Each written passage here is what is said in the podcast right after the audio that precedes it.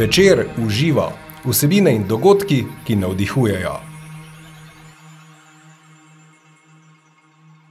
Dobrodošli, dobrodošli, poslušate novo podcast epizodo Večera uživa. Z novo zgodbo, navdihujočo vsebino in odličnim sogovornikom se bomo družili v naslednjih minutah. Tokrat bomo govorili o starosti, vendar ne o obdobju, ki ga barvajo odtenki nemoči, osamljenosti ali žalosti. Govorili bomo o starosti kot o obdobju življenja, ki ga lahko z modrostjo, sproščenostjo, odprtostjo, pozitivno naravnanostjo in sprejemanjem ter upoštevanjem omejitev, ki jih prinaša, živimo polno in radostno. Naš sogovornik bo raziskovalec starosti in staranja dr. Jože Ramovš, ki med drugim tudi pravi, da je eden pomembnejših momentov staranja njen preplet z mladostjo. Starost in mladost Se prepletata. sta komplementarni, Komplementarni. sinergični. Tako. sinergični. Samo jaz seveda moram sprejeti svoje leta, če se pa delam mlad, da sem vam konkurenca ali pa ne vem kaj, sem pa smešen. In tega je veliko danes. Ko starosti ne sprejemamo, svoje, svoje starostne vloge ne sprejemamo, ni nam koža prav, kot ste rekli. Najprej kronološko starost svoje leta negiramo, o tem ne govorimo. Ko je 50 let, imajo ljudje, eh, imajo mlaj, pa gor št- Številko. znak, številko, štop znak. Od tukaj naprej pa ne smeš, moraš ostati. Glejte, in ko okameni nekaj, ni več živo. Ne moramo okameneti, dokler smo živi, se razvijemo. Tako. Samo ali poznamo razvoj celo življenje, tudi v nemoglosti, ali ne, če ga ne poznamo, ne znamo varovati in skrbeti za svoje telesno, duševno, socialno zdravje, in potem smo res če dalje bolj živi fosili. Če pa sprejmemo, da se staramo, se pa staramo do konca, do zadnjega trenutka, in vedno je nekaj novega. Tako. In tisto, kar je novo, je ne, morda negativno, bolezen, uh -huh. nemoč, v tem je pa tudi nekaj pozitivnega. Tak, ampak to je težko najti. Zadnja zadeva pa niti ni kronološka starost, kot ste rekli, leta, uh -huh. rojstni list, 72 let je nekaj, v 63, niti ni zadnja beseda, koliko lahko z zdravim življenjem, gibanjem, prehrano, izobraževanjem, la la la, skrbim za, da sem fit, uh -huh. zadnja beseda je pa doživljajsko zdravje. Koliko mi je koža prav pri mojih letih Tako. Kako sprejemam sebe in kako se počutim. Na to imam sto procentno Vpliv. vpliva, pa ne lahko. To je težko doseči, da sprejemam doživljajsko svoje leta kot najboljša do zdaj, ker so nova. Enako kot so bila pri 18 letih, enako kot so bila pri 50, enako pri 73. So prvič možnost današnja ni tista od 50, ni tista 18, ampak tista od 73 bo letos in tista je enkratna in edinstvena. Tako da rečete, to je pa doživljajska in do, na doživljajsko staranje. Sto procenten. Na funkcionalen, koliko sem zdrav, koliko sem fit, 50 procenten. Na kronološko, koliko let imam, pa nič, nobenega vpliva. Tako, to je moj odnos do tega. Krasno. In ta, ravno ostajamo se še malo pri sta, pri, pri funkcionalnem načinu staranja. Um, lahko imamo recimo v, du, v telesu 70-letnika duh, ne vem, 30-letnika, ne? Uh, je pa ravno obratno lahko, imamo pa že postarane najstnike. Ne? Seveda, seveda. Imamo tudi besede za to, ne Ja. nove, ne neke nove besede tujke, ampak slovenske. Recimo, beseda star je neutralna, pa mlad Mhm, je neutralna. Rečemo eno leto star, pa rečemo sto let star. Isto besedo uporabljamo. Ne, Mhm. Ja. ne rečemo eno leto mlad, pa sto let star, niti ne eno leto star, pa sto let mlad, Ja. kar bi danes rekli, ampak je beseda star neutralen. Vendar pa beseda star danes ni neutralna. Beseda star je smrti. Zato, če jaz rečem a, komu, ko mi reče moji vrstniki, vrstnice iz študij, iz gimnazij, se srečamo, jože, kako se imaš? Pa se rečem, glej, letom primerno, 73 bo letos, o, jo, to pa ne, stari pa nismo. Aha, se uprejo. Ja, se vzmeraj, to je pravilo.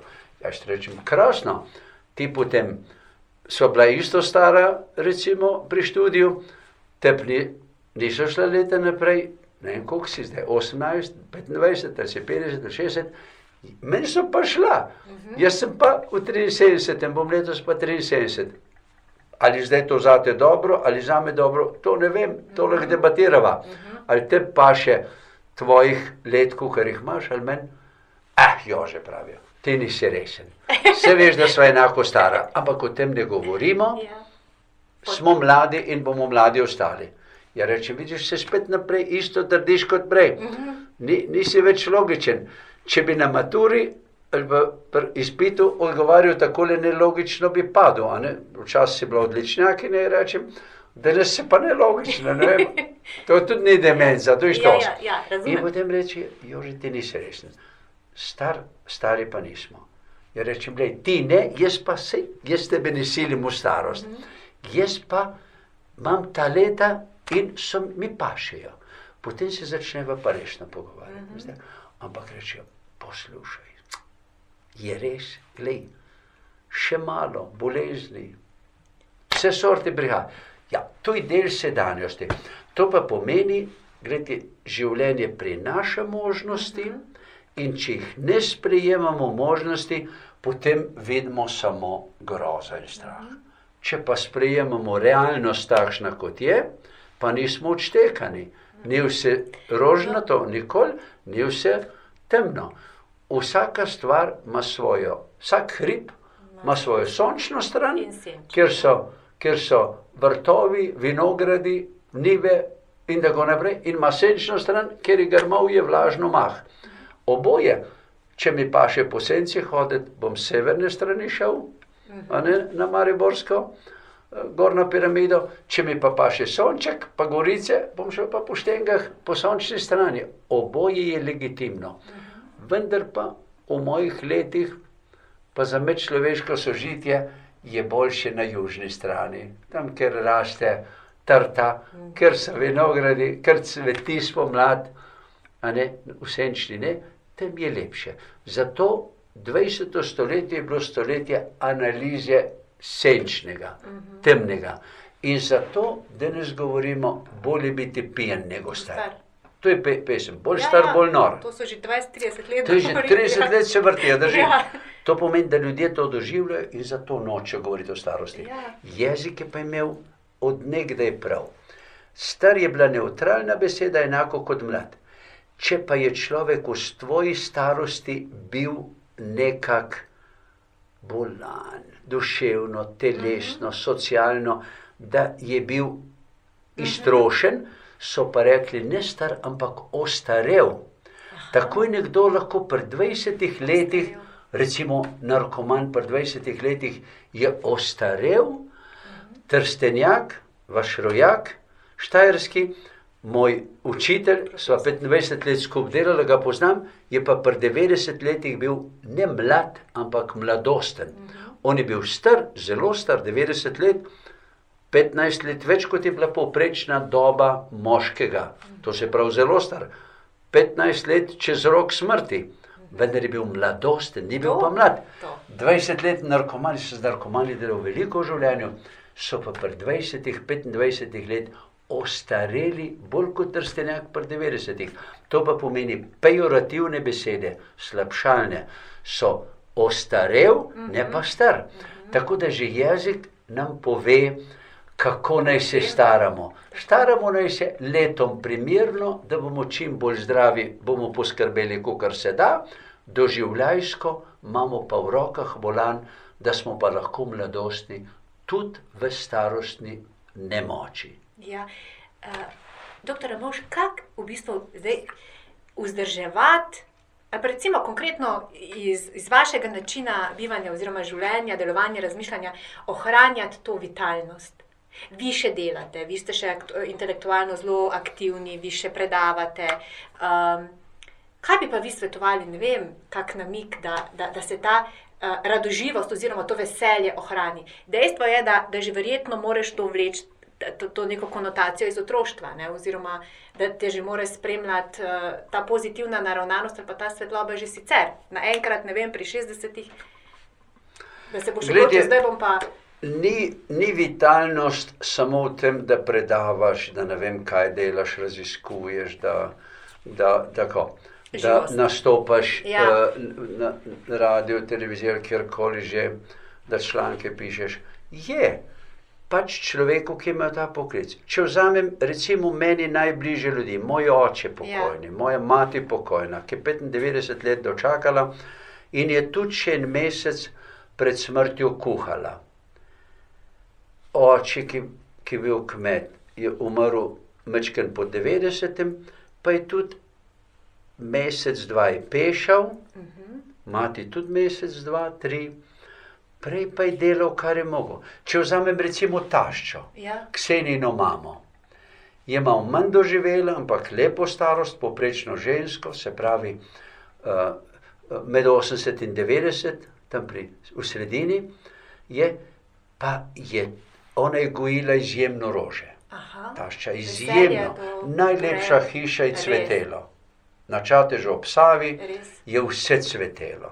Najlepša so turisti v čateških toplicah so zmeraj vse slikali, ker je vse cvetelo. Pa kuhala, pa pekla za vnuke, za moje otroke, štiri, kadar so prišli, ona je po, pokojna. Glejte, ona je to, kar je znala peči, kar je znala kuhati, pocrkljati svoje vnuke, pa recimo mene, pa hčerko, pa svoje druge otroke, ki so do prišli, pa vse vnuke. Leti, vsi imajo zelo lepen spomin. Pa je bila navadna gospodinja, je, ampak to je delala letom primerno do konca, kot jaz Ja. predavam, pišem knjige ali karkoli o dolgotrajni oskrbi, integrirani, tudi bova. ki je novo ali karkoli. Vidite, dela Ja. vsak svoje. Jaz ne rečem, da si je tašča boljše starala od mene ali slabše. Mhm. Tako bi se rad tudi jaz, ali pa tast, recimo. Lahko bi od njega pripovedoval zelo podobno. Mhm. In če svoje otroke odraste zdaj poslušam, kakšne lepe spomine imajo na staro mamo, na stare očete, ko so se, pa so vse poznali, ko so se starali in ko so umrli. A ne?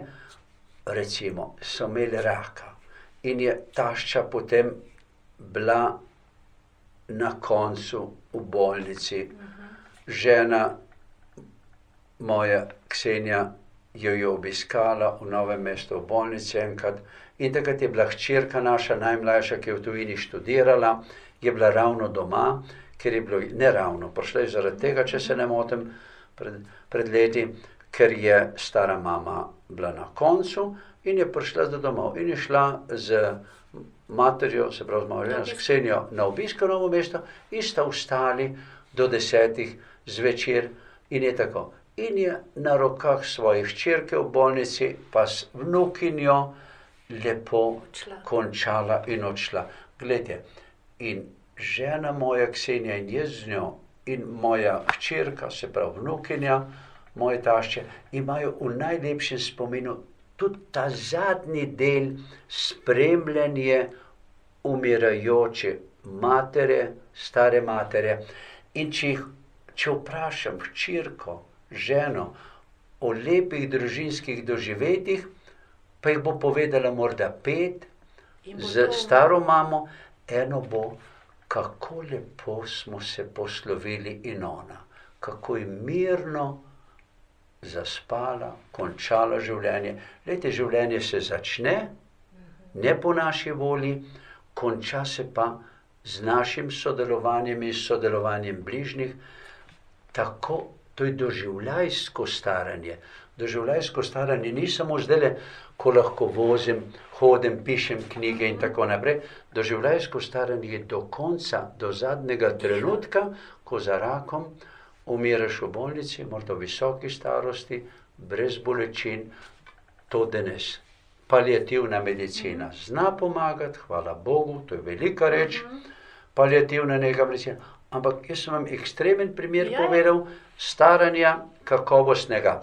Takrat, ko je bila pri močeh, kot sem jaz, tašča, ko je štrudel pekla, torto, vse stvari tako, da moji otroci želijo in kuhajo po, po njenih receptih in so na to ponosni. Poglejte. Vendar pa ali pa rože gojijo. Tudi mi imamo v centru Ljubljane ja. edina hiša, ki ima celo poletje po vseh oknih in balkonih, bre, blizu avtobusne postaje na Rešljeve, ne proti tržnici, je, ima edina svet je skozi, vidite, to je potašči, ima moja žena, njena hčerka in otroci. Je treba zalivati, ampak cvete pa celo leto. In je lepo. To je njena dediščina, to so se od nje naučili in ona je to delala do konca, dokler je mogla, zdaj pa delajo na isti hiši, Nuki, hčerka. neki vnuki, sin in njegova žena delajo in hiša še zmeraj cveti.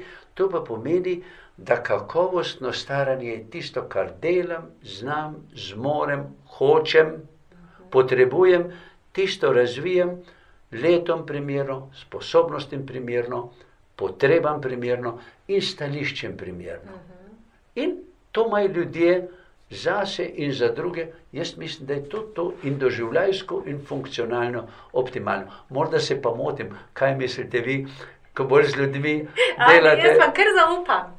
Jaz vam kar zaupam. Zaupate. Ja, zelo dobro to razmišljate. Je dejstvo, eh, res je to. Ne? Ampak jaz bi vam rekel, ste prej me predstavili, glede staranja, Ja.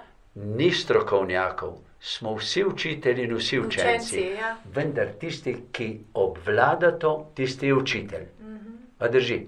In tisti, ki zna druge gledati, ali je to tašča, ali tašč, ali oče, ali mami, ali sosed, ali kdorkoli, trstenjak recimo, ko se je staral pred mojimi očmi, je bil od mene dobre 40 let starejši, in ko sva se spoznala, je bil mlajši od mene, recimo 15 let, potem pa sva sodelovala in se je staral in pešal, tako da je potem rekel, eno zadoščenje v življenju pa imam, vse življenje sem bil bolehen, pa, bo, pa slab. Cel trebuh je rekel, imam na foršluse, ker je bil operiran Aha, veliko krat, pa so, veste, Vezani, šivi bili, šivi, ja. šivi so bili kot foršluse, rekel, cel trebuh imam na foršluse, a ne? Če- nekaj, je, ja. tako je vedno rekel. Je rekel, eno zadoščenje, poštarsko, eno zadoščenje pa imam, mlad ne bom umrl. No, vidite. Po 80 letih, jaz že tudi lahko rečem. Ja. Eh, pa sem bil operiran tudi pri 24 letih, so mi pol pol bili odrezali, pol Ja. pljuč. a ne. Glejte, mlad ne bom umrl, Evo, pa še gre. To pa pomeni, naredim, kar se da. tako. Da so da, z- fit, kar se da mladosten, starost pa sprejemam. Tako, to to. Odličen recept. Odlično. Ne? Hvala lepa. Bravo. Ne kupujo teh receptov. Kupuj, kupuj. Uh, doktor Mož, vaše knjige se moramo dotakniti. Integrirana, dolgotrajna oskrba. A zdaj je to išla pred kratkim, letos, ne? Ja, 14 dni. Vaše raziskovalno delo. 14 dni. Uh, povejte, ko smo, ko smo se prej pogovarjali, uh, zakon o dolgotrajni oskrbi se nam letos obeta. Pravite pa, da smo mi na tem področju ostali kje v letu, pet, letu v 80-ih. Recimo. Ja. Glejte, to, da se nam obeta, to vi novinari bolj veste. No. Jaz, bom, jaz bom temu pritrdil, No. takrat, kadar bo sprejet Ko in bo bo deloval, dobro. in če bo sprejet dober. Uh -huh. Ker tudi če je sprejet, pa je slab, lahko nas potegne nazaj. Uh -huh. Tako. Dejstvo pa je, da so drugi po Evropi, naši sosedje, Pred nami, ne? Sprejemali ta zakon leta 95, ta Oj. zadnji leta 2000. Mi smo pa letos 2020, znanje politike, uprave, strok in situacijo glede dolgotrajne oskrbe imamo pa tisto, ki nam jo je zapustil eden od genijev dolgotrajne oskrbe, zdravnik, dr. Bojan Aceto, ki je šel v penzijo 88 leta, 84 leta je pa bolnico gerontološko v Trnovem, ki ni več, ker so jo bolj prodali, pa zaprli po njegovi uh, upokojitvi. Zaprli. Ko je nehal biti predstojnik, takrat je bilo konec razvoja slovenske gerontologije, 84. Od takrat naprej se gremo v marsičem kaj naprej, ampak kot sistem dolgotrajne oskrbe, se pravi pomoči tistem, ki ne morejo samostojno živeti zaradi starostne vnemoglosti, Tako.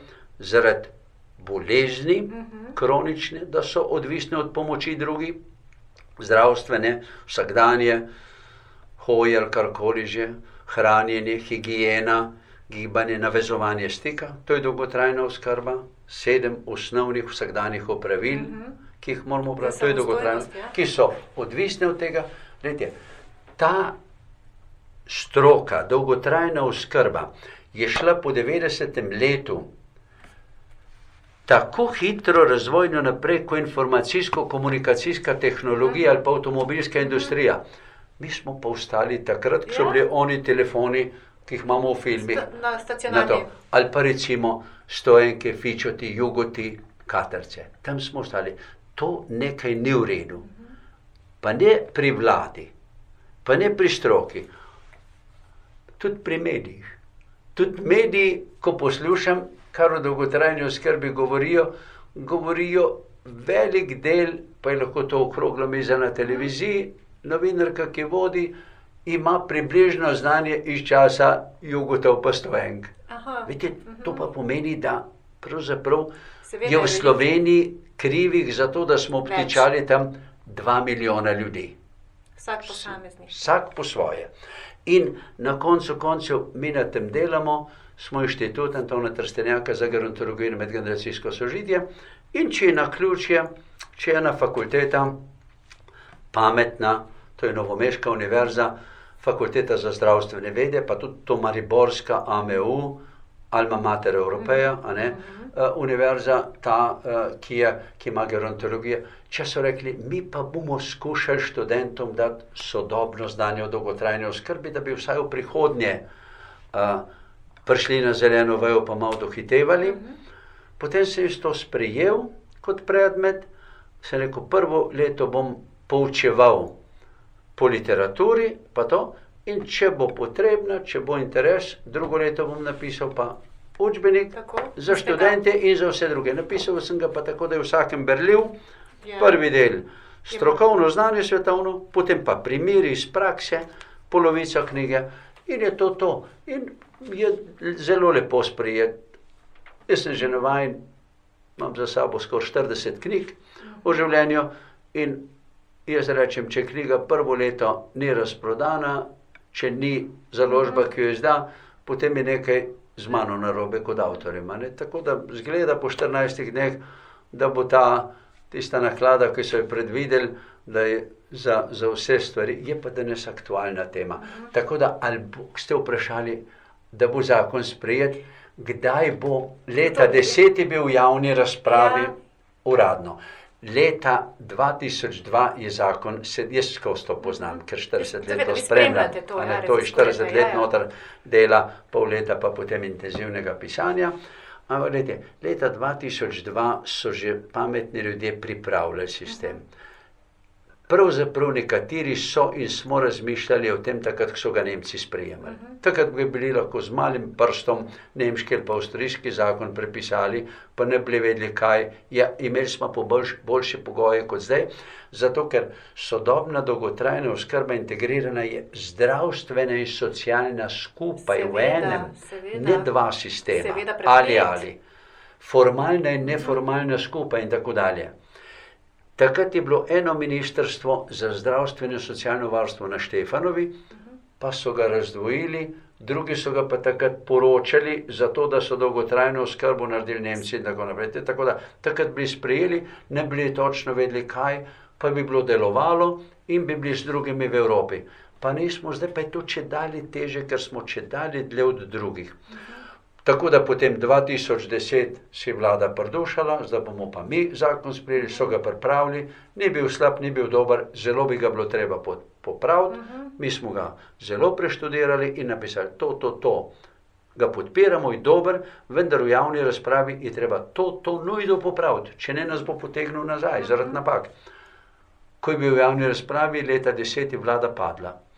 Potem je bil mir, takrat ga je socialno varstvo sprejemalo in imel premalo zdravstvenih vidikov noter. To je bila ena od slabosti od treh.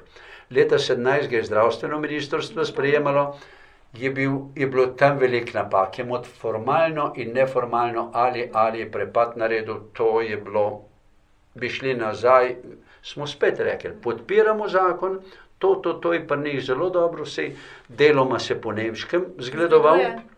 Ampak nekatere osnovne napake, ki so pa usodne, da ne bi delovalo, da ne bi bil human, uh -huh. da ne bi bil finančno vzdržen in kadrovsko vzdržen. To, ne. Dolgotrajna oskrba mora ostati humana, človeška, Tako.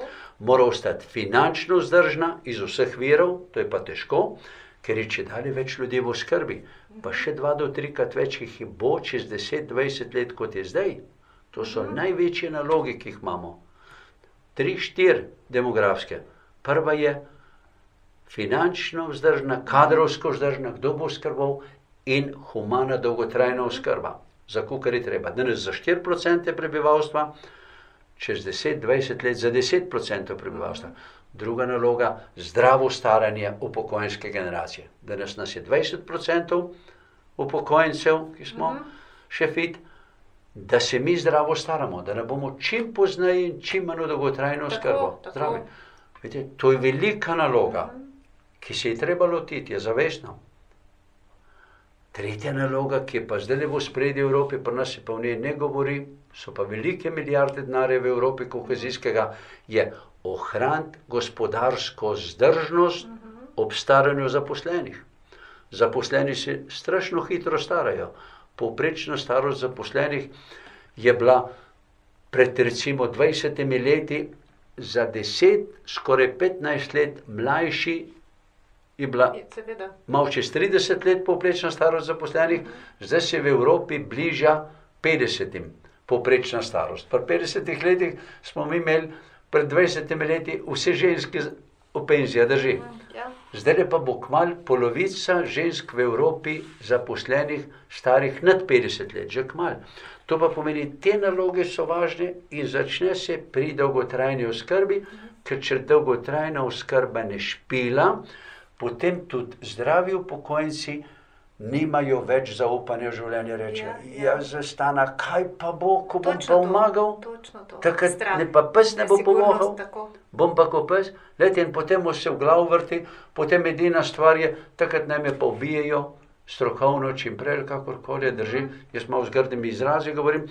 Ne, danes je paliativne nege, vsega je, ni treba, da boli, kot sem prtašče rekel, kaj takega.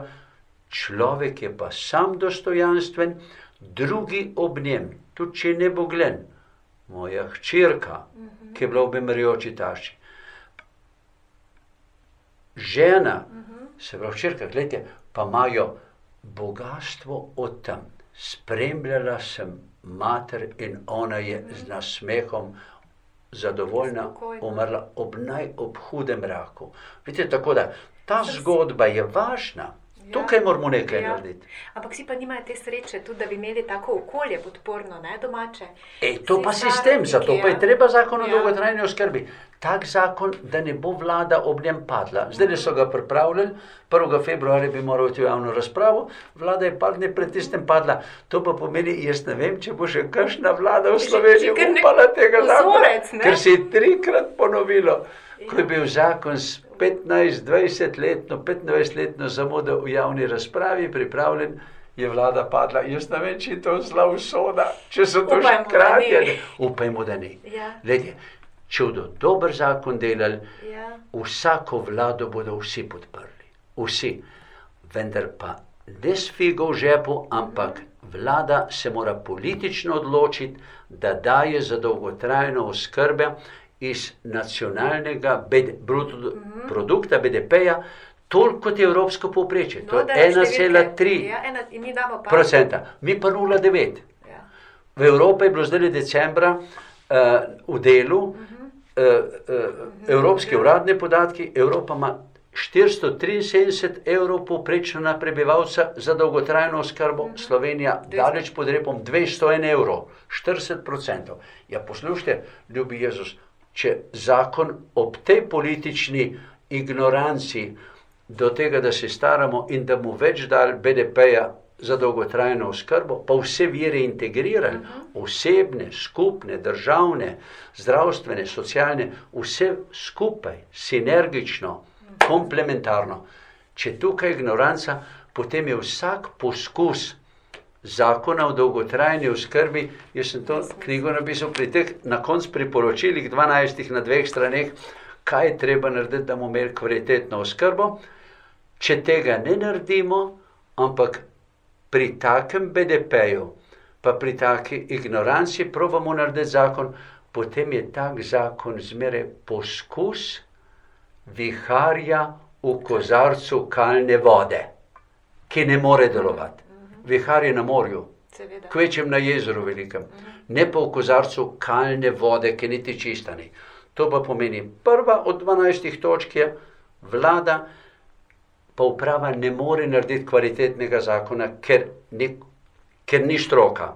Stroka naj pomaga, tisti, ki delajo v dolgotrajni skrbi ali pa tuje izkušnje. Vendar pa ne malo iz enega zevnika, malo iz enega zevnika, malo iz enega, to je pa protislovno, se pa med seboj Seveda, negira. seveda. Ampak ali kopirati 95. nemški zakon, pa z njimi se razvijati, ali pa res s pametjo narediti dober sistem, našim razmeram eh, potreben, integriran. Lejte, in to, to pač smo delali, upamo, da bo dobro spet, kdor še naprej, kdor hoče, to je ta knjiga. Ne? Bomo Krasno. govorili o njej tudi eh, Tako, ja, zdajle. tako, bomo. Če ste se Ja. odločili, da imate večer, Tako. uh, večerov, kako je že večer večer zdravja. uživa. Večer uživa. A je večer uživa, Tako. Uh, vaši predlogi res bojo, upajmo, da bo, da bo to vse sprejeto, da bo posluh. Uh, doktor Mož, deva še za konec. Um, mi imamo en tak slogan teh naših podkastov uh, in video intervjujev, da imamo vsebine in dogodki, ki navdihujejo. Pa me zanima, kaj pa vaš življenje. Vse, vse ste že nanizali, pa že kar iz vas to, ta energija lepa, kar, kar seva. Pa me zanima vseeno, kaj je tisto, kaj bi rekli, kaj vas pa v življenju navdihuje, um, se vas dotakne, vas žene, osmišlja.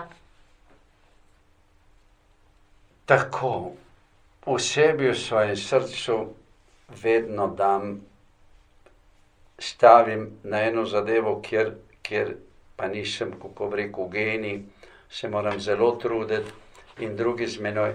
To se pravi na medčloveške odnose, To. na bližnje. To je ena zadeva, ampak tukaj nisem zelo uspešen.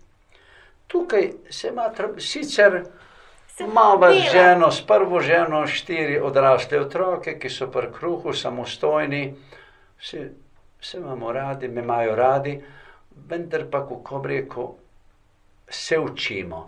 Veste, ker tradicionalni odnosi, v katerih smo bili vzgojeni, pa so bili dobri za življenje pred 50-100 leti, danes ne Ne delujejo. zdržijo, ne? Ker imamo drugačne življenjske to, razmere. točno Takrat to. so ljudje petkrat na dan skupaj jedli, pa tako naprej. točno. Ne? Danes pa enkrat na teden, dvakrat na teden, če imamo skupno kosilo, če smo imeli, so bili odraščajoči otroci, pa še takrat so telefoni, televizija. To pa pomeni, če so takrat znali se zbrati, danes pa telefone ugasen, televizijo, časopise, ničesar odgovarjati, tiste uro, uro pa pol enega lepega nedeljskega kosila, pa vsi pripravljati, pa vsi Bravo. pospravljati. To so Bravo. naloge, ki so težke. Veste, to se učimo, smo se učili, kot piše v Bibliji, v potu svojega obraza, ker mi smo generacija, naša baby boom, pa tudi naših otrok, ki premaguje deset tisočletne zmote človeštva. Jaz mislim, da je bila največja zmota človeštva patriarhalnost. Več stališče, da so moški več vredni, da so boljši za gospodarjenje, da so boljši za vladanje, da so boljši za govorjenje. In tako naprej. Leti deset tisoč let, od poledenitve sem, od domačenja živali. To je v nas. In kadar skušamo to premagovati, ali feminizem ali kdorkoli, gremo v drugo skrajnost. Svete, zelo hitro, ni to dobro. Eh, Če rečemo patriarhalnost, da jo spremenimo v feminizem kot patriarhalnost na minus prvo, uh -huh. so veste, kaj je. Prej si, prej si imel en evro, potem imaš pa ena na, na minus prvo, uh -huh. imaš pa eno stotinko evra. A drži, eno vlomljeno je tako. Tako da človeštvo, cela razviti svet, Evropa, Amerika, pa Kitajska, tudi pa Japonska, se na nek način smo v preobrazbi, kakršne ni bilo deset tisoč let, v eno družbo, recimo demokratično, v eno družbo, kjer sožitje dohaja materialni razvoj. Tako da tukaj, če se zavedam, da nisem zelo uspešen, vendar pa na tega konja stavim, je to realizem, kot moje leta. Tisto, kar pa sem uspeval, je pa ob recimo svoje bolehnosti, pa v pljuč, je pa narava. Hodim, leti skozi nosim to uro za motivacijo, da vidim, koliko korakov. pohodite. Iz tistih 7000 korakov, to je ena urca, lepe, mirne, nestresne hoje na dan. Eh, na dan. Ja. Lejte, to je tista norma, ki človeka zelo gor drži. Malo kaj tako kot hoja. Pa malo hribe včasih. V hribih človek veliko lepih stvari doživi. Pa zemlja. Ja, obdelujete? Seveda. A, Lejte, to vrt je imam sredi Bravo. Ljubljane. Vrt imamo, ga obdelujem, pa še zunaj Ljubljane sem imel nivo. Obdelujem, ampak gledajte, do danes en dan lastne biosolate, radiča in vsega druga ni manjkalo. Bravo. In še za en mesec je one noter v. Pa, pa Božinova. Pa Božinova, pa mislim. Božinova, jaz zdaj grede, grede pripravljam in bo vsega, pa vsega drugega, fižola, pa vsega drugega. Glejte, zemljo delati, kako raste, kako je treba Opazovati, potržiti, opazovati, pa kosi pojejo tam, pa mačke, pa karkoli že, Ja. pa, pa tako naprej. To je užitek, se pravi, zemlja dela, živeti z njo, ekološko, ekološko, pa se pri tem razgibaš, podobno kot pri hoji, pa rodi, pa veš, kaj poješ, če imaš svojo solato, če imaš svoj fižol. In tako naprej, svoj paradajz. Vse. Deset let, petnajst let ni bilo treba, tako rekoč, da rečem, enega kupljenega paradajza, ne za, malo pretiravam, morda ne za solato, ne za ukuhavanje a, narediti. To so stvari, ki človeka gor držijo, tudi poklic. Seveda. Meni je moj poklic paše, trstenjaka učen sem, kdo in Bravo. kaj je človek, to me zmeraj zanima. pa Raziskovanje bom- človeka. Ja, vendar pa tukaj pa ne bom prišel tako kot pri solati, pa pri zemlji, pa pri hoji do konca, ker človek, to se pa že 5000 let ve, človek je prepad brez dna. Je že, so vedeli, tam nekje pred enimi 3000 leti je bilo zapisano, to je v svetem pismu, človek je prepad, abisus, latinsko, recimo ali pa grško. To se pravi, človek je nedojemljiva skrivnost. To pa ne pomeni, da ga ne, ni treba biološko, uh -huh. psihološko, socialno, vedno raziskovati. Ja. Vsaka rez- generacija mu. Lejte, in zato danes živimo Seveda. 30, razvijamo, eno ja. tretjino dlje kot so naši dedje, uh -huh. to je zaradi raziskovanja, kjer obvladamo življenje bolj. Tisto, kar je zaostalo, -huh. je so zaostali medčloveški odnosi, komuniciranje, sprejemanje svojih vlog, prepoznavanje in opravljanje svojih vlog. Pardon. v, v družini, v službi in družbi, vloge in vzdušje. Vzdušje, kako mi dva govoriva, je odvisno od vzdušja, ki ga ustvarjava.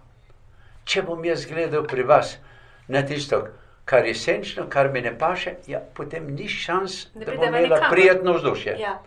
Če pa se usmerjam, pa treniram, bolj treniram kot za tuj jezik, da na vas zavestno Iščete dobro.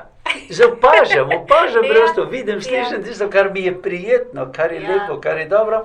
Poslušajte, potem bo pa lepo vzdušje med nami in bova imela tudi komunikacijo in najne vloge. Vi kot novinarka, ki vodite to, pa jaz kot vaš gost, bom imela pa prijetno vzdušje. Nama je uspelo. Ne vem, Nama je. povejte, ja, prijetno vzdušje, meni je bilo zelo prijetno. Meni tudi, meni tudi zelo prijetno. uspelo. Ok, hvala lepa. Hvala lepa, doktor Ramovš, bili ste res tak sončen, srčen sogovornik. Dr. Jože Ramovš je med drugim tudi avtor knjige Integrirana dolgotrajna oskrba in raziskovalec na inštitutu Antona Trstenjaka, ki je slovenska nacionalna ustanova za gerontologijo, vedo, ki se posveča staranju. Spremlja spoznanje in išče rešitve glede staranja po svetu, raziskuje domače probleme in vire za njihovo reševanje. Še posebej se posveča psihosocialnim, zdravstvenim, poklicnim in okoljskim vidikom gerontologije. Tako, Več informacij o podcastih in dogodkih večer v živo najdete na spletnem naslovu trikratvojni.vvcer.com poševnica v živo in na facebook strani večer v živo. Hvala za vašo pozornost, z vami sem bila Maja Furman, srčno in srečno, dok malo.